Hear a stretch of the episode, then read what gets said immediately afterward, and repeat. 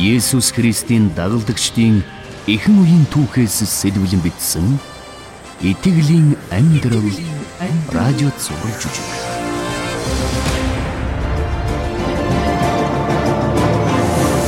Долдугаар анги үе олон хүн эдгэрсэн. Эдгэрсэн.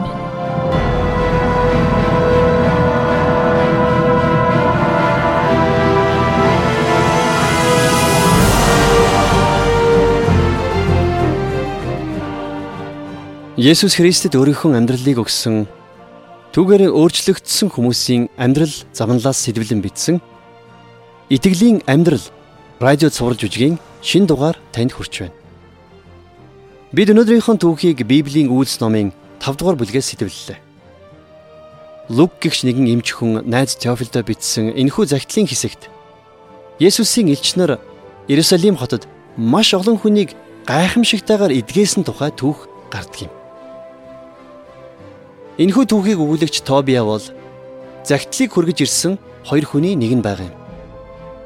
Бид нар энэ захиаг элч нарын буюу дагалдагч нарын үйлс гэж нэрлэдэг юм. Тобиа дөнгөж 15 настай байхдаа анх Есүстэй уулзсан тэр цагаасаа хойш 30 жилийн турш түүнийг үнэнчээр дагалдаж явна. Тэр одоо танд Христийн чуулган бий болж байсан яг тэр өдрүүдэд үзэж сонссон зүйлийн талаар хуваалцаж байна Та тухлан сонсоорой.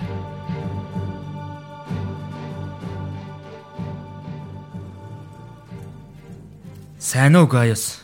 Сайн уу Тобиа? Сайн байна уу? Тэнд зогсож байгаа бөөн хүн Лукийн захааг уншихаар бидний өнөөдрийн цугларалтанд ирсэн гэдгийг дуулав уу? Дуулсан, дуулсан. Тий.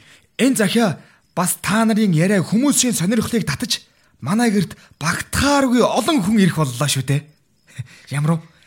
Хэдүүлээ арай илүү том газар олдго юм билүү? Эсвэл цугдааныхаа тоог нэмэх хэрэгтэй байна. Энэ хүмүүсийн цангасан сүнсийг ундаалж байгаа та нарт маань энд зогсоод сургаалаа заачих хангалттай том зай гаргахгүй нэ? Харин тийм ээ. Бидний явсан бараг бүх газарт байдал ийм л байсан. Хүмүүс Есүсийн авралын сайн мэдээг сонсох гэж маш их хүсэж байлаа шүү. Тийм ээ. Аль улсын ямар хотын ямар үндэстэн гэдгээс үн шалтгаалж тэд Есүсийн мэдээг сонсохыг хүсэж байна.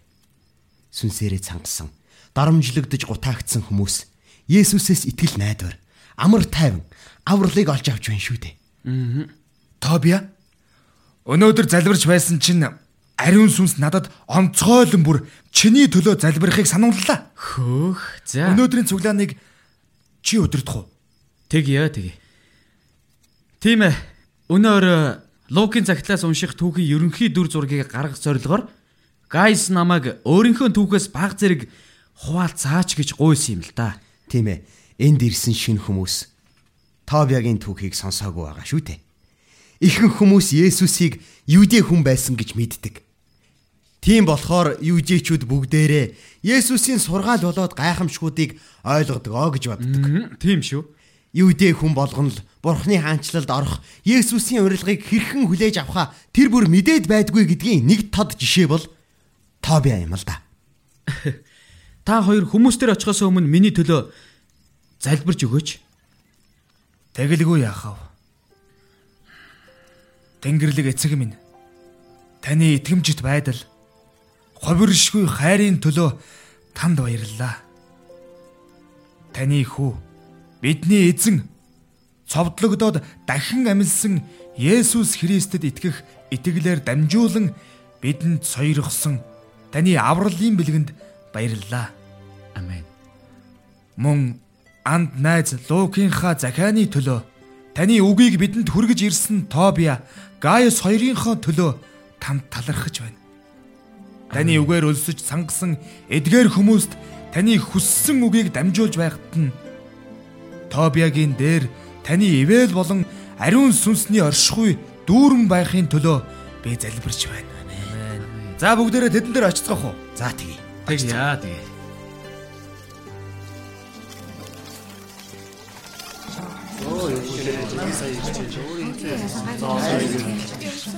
Бүгдээрээ сайн байцгаана уу? Сайн. Зарим нь самд хүрэлцэхгүй байгаад уучлаарай. Гэсэн ч өөртөө эвтэйхэн байрлал олоод туулахыг та бүхнээс хүсье. та нарыг ирсэнд үнэхээр баяртай байгаа шүү. Тэгэхээр өнөөдөр бид нэр Лукийн загтлаас үргэлжлүүлэн уншина. Харин загтлаа уншиж эхлэхээс өмнө тухайн үеийн нөхцөл байдал за мөн дүр зургийг илүү тод болгохын тулд эхлээд Тобиа маань өөрийнхөө төвхөөс давчхон хаваалцсан. За баярлаа. Теофил. Ингээд та бүхэндээ үдшийн минь төргийе. Гайс бид хоёр саяхан л та нарыг таньдгүй байсан. Харин та нарын халуун сэтгэл найрсаг зангийн үрээр Бид хоёр хідэнэ та нартаа дасчээ. Бид та бүхэндээ цаг зав туршлага мэдлэгээ хуваалцахтаа баяртай байдаг. Нэр шүү. Есүс Юудэ гэр бүлд төрсөн гэдгийг та нарын ихэнх нь мэдэх байх. Манайх ч бас Юудэ гэр бүл. Хоёулаа Юудэ гэр бүлч гэсэн энэ Хоёр гэр бүл тэнгэр газар шиг ялгаатай. Есүс бол Бурханаас эмээдэг, хуулийг сахидаг, Бурханд мөрөгдөг гэр бүлд өссөн юм. Харин би бол их замын дээрэмчний гэр бүлд өссөн. Юугийн нөхөө? Би хоёр ах, нэг эгчтэй. Гэр бүлийнхэн маань хулгай дээрэм хийхэд тохиромжтой гэд нийгмээс тусгаарлагдмал хүний хөлөөс зайдуу газар амьдэрдэг байсан юм. Хүн амьтантай уулзаж уулзраад байдгүй болохоор энэ дэлхийн аврагч болохоор амлагдсан Месая өөрийнхөө бүтээлтэй харилцаатай байхыг хүссэн харин бурхны талаар юу ч сонсоогүй байсан. Нэг удаагийн бүтлгүй дээрмийн үеэр аав маань алагдсан юм. Тэгэхэд би 15 настай байсан. Аавыг нас барсны дараа дүүн гэр бүлээ дээрмийн ажилд удирдах болсон. Тэр их ууртай харгас хатуу хүн байсан л та. Намаг дээрмийн ажилд хүчээр оролцуулдаг байлаа нэг удаагийн дээрмийн үеэр юм байна. Би санамсаргүй хөлөө гэмтэж гисэн. Харин тэр үед гэр бүлийнхэн маань намайг орхиод явчихсан юм та.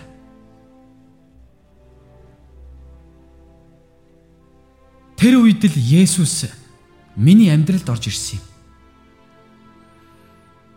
Бурханд талархал нь байх болтугай. Яг үнэндээ бол тэр үед надад амьд үлдэх найдвар бараг байгаагүй.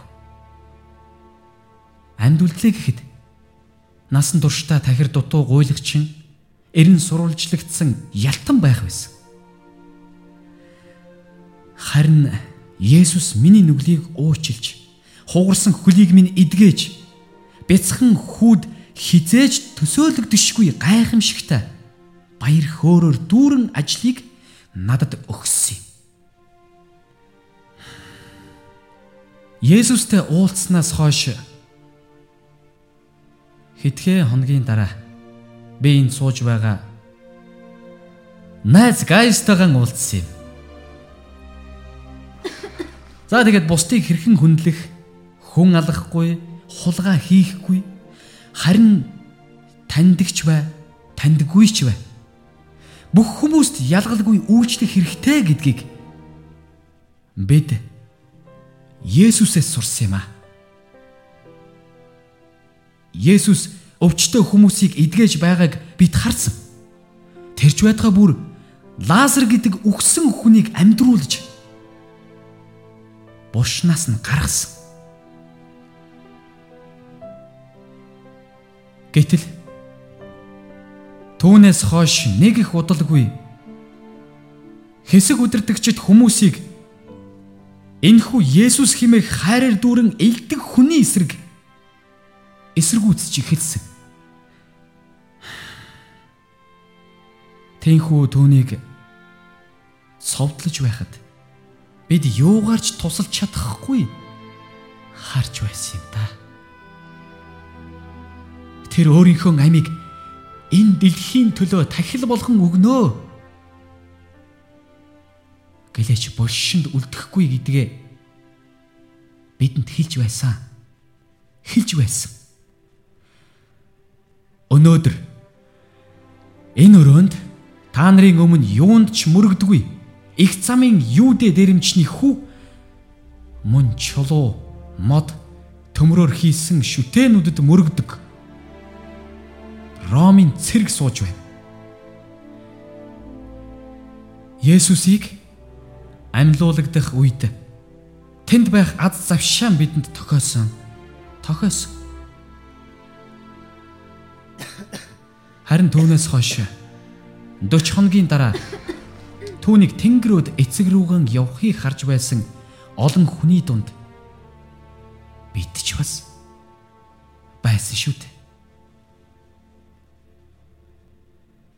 Есүсийг бидний амьдралд орж ирэхээс өмнө Гайс бид хоёр хоёулаа жинхэнэ амьд бурхны талаар ямар ч ойлголтгүй тэрэнд мөрөгдөггүй байлаа. Яагаад гэвэл өгч байгааг нь бид ойлгоогүй. Энэ дэлхий дээр байхдаа эхэлсэн ажлаа эндээс явчихсан хойно яаж үргэлжлүүлэх гэж байгаа нь ч бидэнд ойлгомжгүй байсан юм. Гэтэл тэр цагаас хойш бараг 30 жилийн турш тэрний ажил үргэлжилсээр хүмүүс нэгдсээр эдгэрсээр л байна. Та нар боддоо тэрний хайр дэлхий даяар маш хурдан түгэн тархаж байна. Тийм ээ үстэй.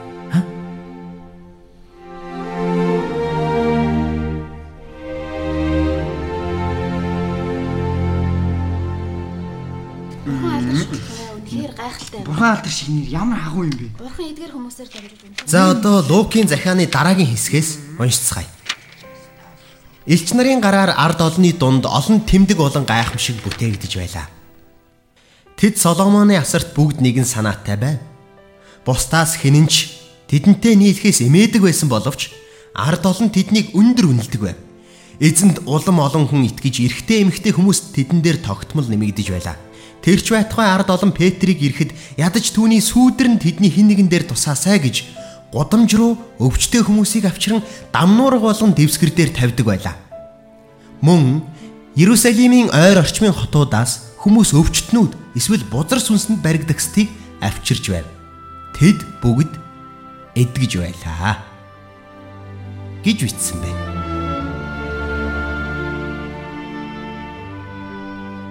Баярлаа guys. Дөнгөж дангаж 16 хүрч байсан хүүгийн хувьд энэ бүхэн нэг талаасаа гайхалтай а нөгөө талаасаа ойлгомжгүй санагдаж байсан.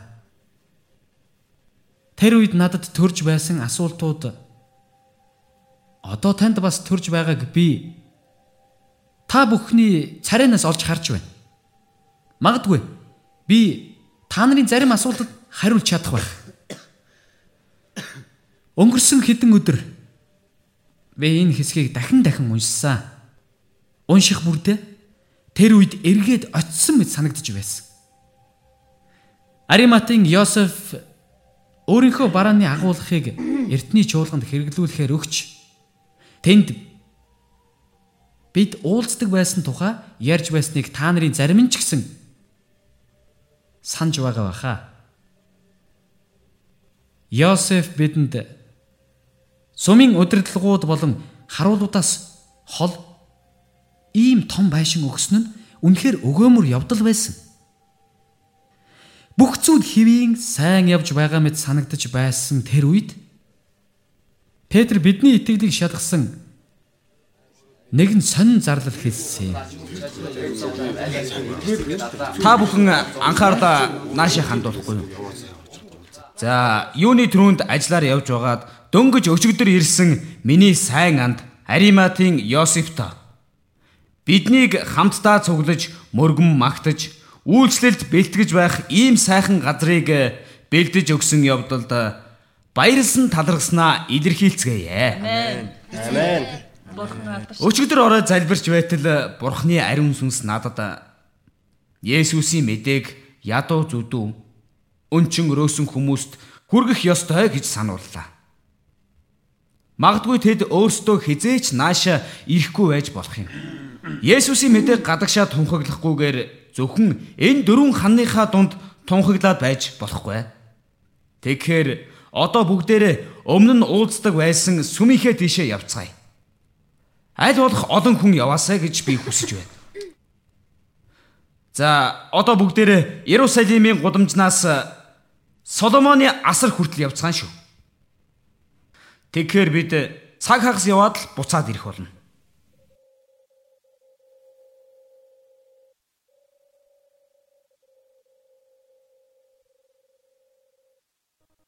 Анхны тэр өдөр Петр болон бусад элч нарыг цуглаанд ирсэн хүмүүсийн тал хүрхгүй хувь нь л дагаж явсан юм. Хүмүүсийн зарим нь айж, зарим нь Есүс Христийн дагалдагч гэж хүмүүст мэдэгдэхээсээ санаан зовж эргэлзэж байсан байхаа. Гэвч өвчтөө хүмүүс эдгэрч чөтгөрд эзэмдүүлсэн хүн чөлөөлөгдөж чуулганд шинэ хүмүүс нэмэгдэж байгааг хараад тэдний эргэлзээ 7хон хоногийн дотор үгүй болж бидэнтэй нэгдэх зүрх зоригтой болсон юм да. Тэнхүү бид элч нарыг даган сүмийн нарийн гудамжуудаар явж харин буцахтаа улам олуула болдог байлаа. За тэгээд өдөр бүр бид Петр болон бусад элч нарыг дагалдан явж хамгийн гайхалтай зүйлсийг хардаг байсан. Хүмүүс өвчтөй, тахир дутуу, сохор, тэрч байтгай бүр чөтгөрд эзэмдүүлсэн ахан дүүс найз нөхдөө авчирч Петр болон бусад элч нарын явж байгаа гудамжинд дам нуургуулан дэвсгэр дээр тавьдаг байлаа.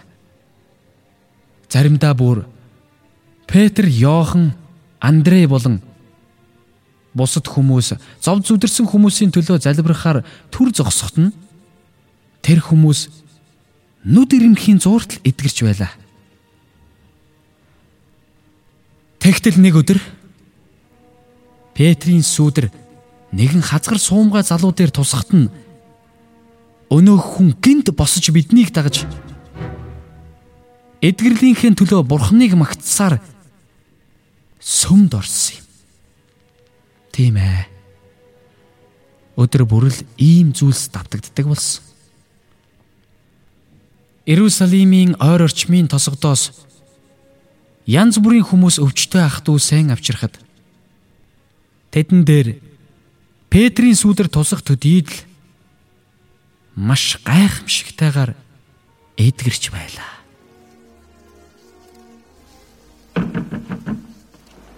За ор ор. Би байна. Оо Тоби. За сайн байна уу?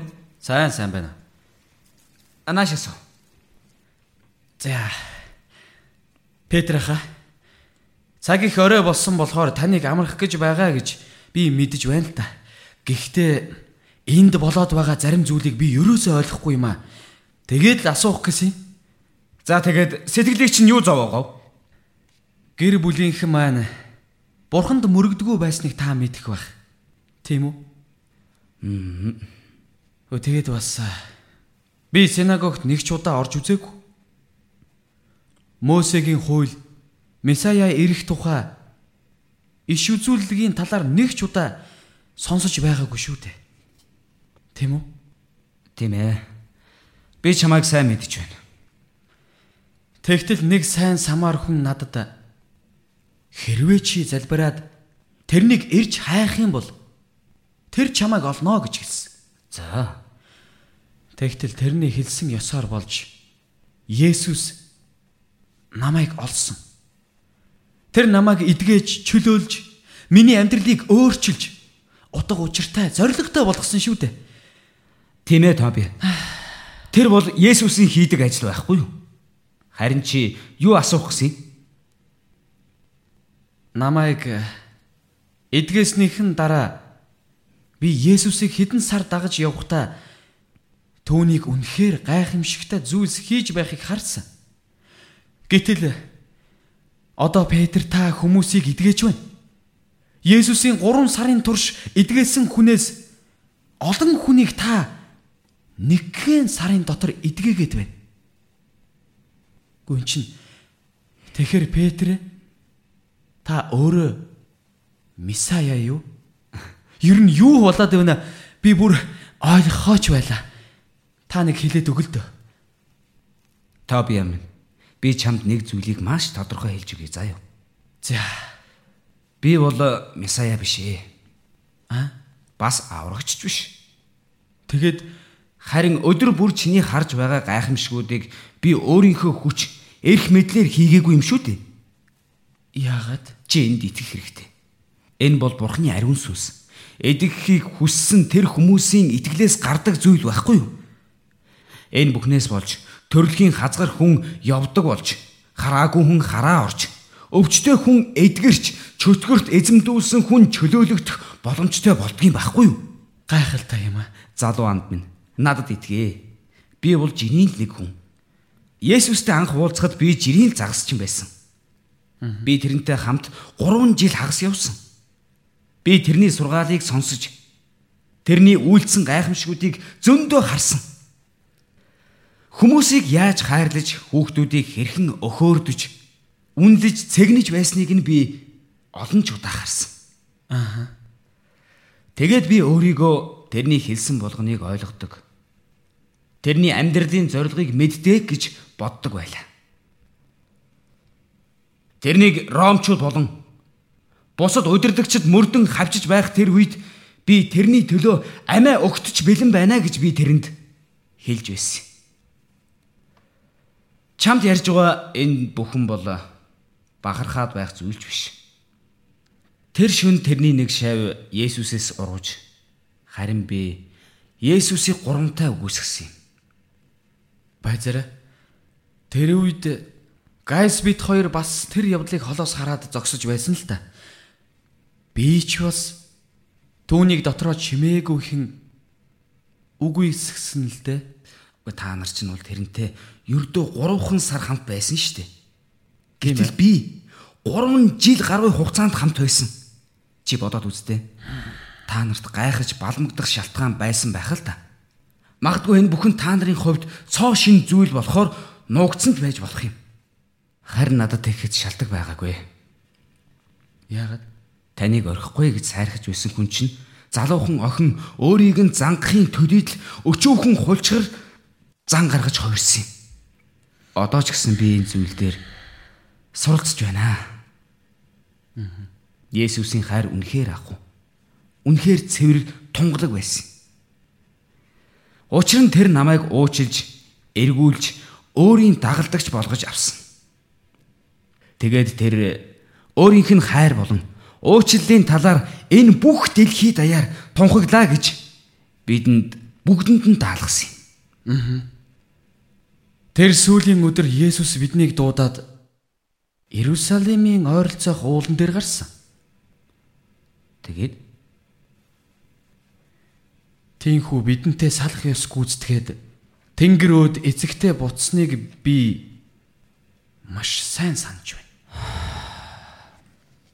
Бурхан ариун сүнсийг илгээж тэрээр бидний дотор нутаглан биднийг бүх үнэн рүү хөтлөн дагуулж өөрийнх нь үлсийг энэ ертөнцид үргэлжлүүлэх хүчийг өгөх хүртэл Иерусалимаас явуулгүй хүлээгээрэй гэж Есүс хэлсэн юм байна шүү.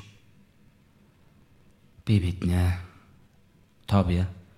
А Ингээд миний хариулт чамд хангалттай байж чадж гинүү.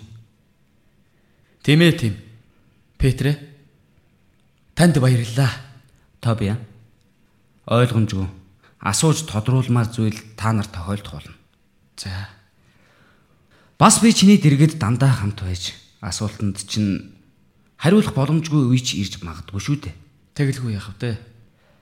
Гэхдээ Есүс бидэнд хэрвээ чи дараухнаар залбирэн гуйх юм бол ариун сүнс чамайг бүх үнэн рүү удирдах болно гэдгийг хэлж өгсөн юм. Тобия Аа. би чамд нэг нууцыг хэлье. За. Надад ч гэсэн асуумаар зүйл их гардаг юм аа. Харин бурхны ариун сүнс надад үннийг хэлэх болно гэдэгт би дандаа итгэж явдаг юм. Чи бол залуу хүн. Эзнийг ирэх өдөр хүртэл тэрний сайн мэдээг тараах үйлсийг залуус та нар л үргэлжлүүлэх хэрэгтэй. Тэгнэ тэгнэ. Та санаа зовлтгүй. Та нар миний ажлуудыг харсан. Харин та нар миний хийдэг ажлуудыг чинь бас эдгээрээс агуу ажлуудыг ч хийх болно. Яагаад гэвэл би эцэгтэй очино. Бас эцэг та нар руу ариун сүнсийг илгээх болно. Табия чи зөрөгтэй бас ухаалаг байх хэрэгтэй шүү. За. Гэхдээ үргэлж даруухан байх хэрэгтэй. Бүх асуултандаа хариулт авах гэхин хэрэггүй. Харин бэрхшээл сорилт тулгарсан цагт тэрнийг давн туулах мэрэгэн ухааныг бурхнаас залбирanгуугаарай. Тэгнэ. Би өхөн өвтлээ сайн мэдээг бүх хүмүүст тараах болно.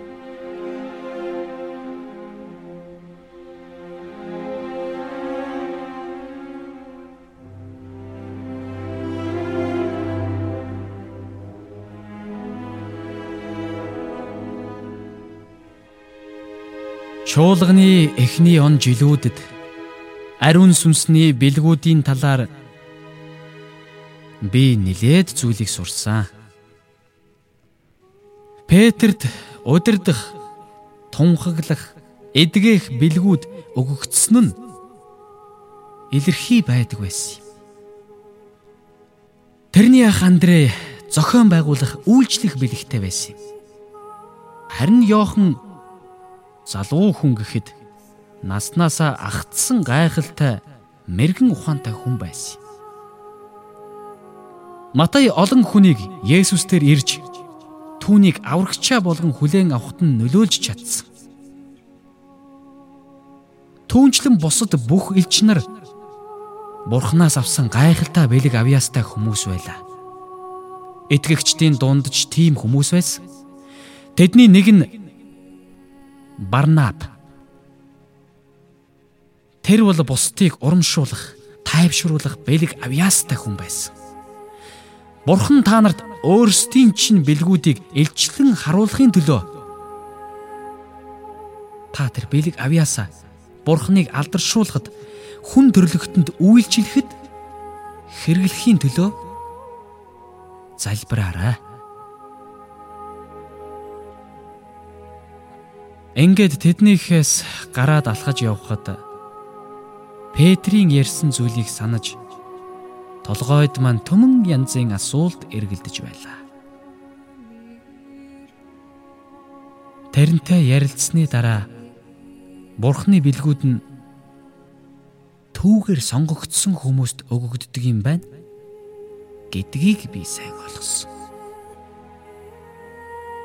Тэгэхээр өдрөөс өдөрт өснө нэмэгдэж байгаа Христийн бий болсон итгэгчдэд үйлчлэх итгэлээр Бурхан та бүхнийг эвээх болно. Ариун сүнс таныг сайн мэдээний үнэнд суралцаж түүний дагуу амьдрахад удирдах байхад тэрэнд дуулууртайгаар байгаарай.